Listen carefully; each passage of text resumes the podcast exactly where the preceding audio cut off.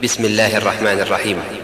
لا أقسم بهذا البلد وأنت حل بهذا البلد ووالد وما ولد لقد خلقنا الإنسان في كبد أيحسب أن لن يقدر عليه أحد؟ يقول أهلكت مالا لبدا.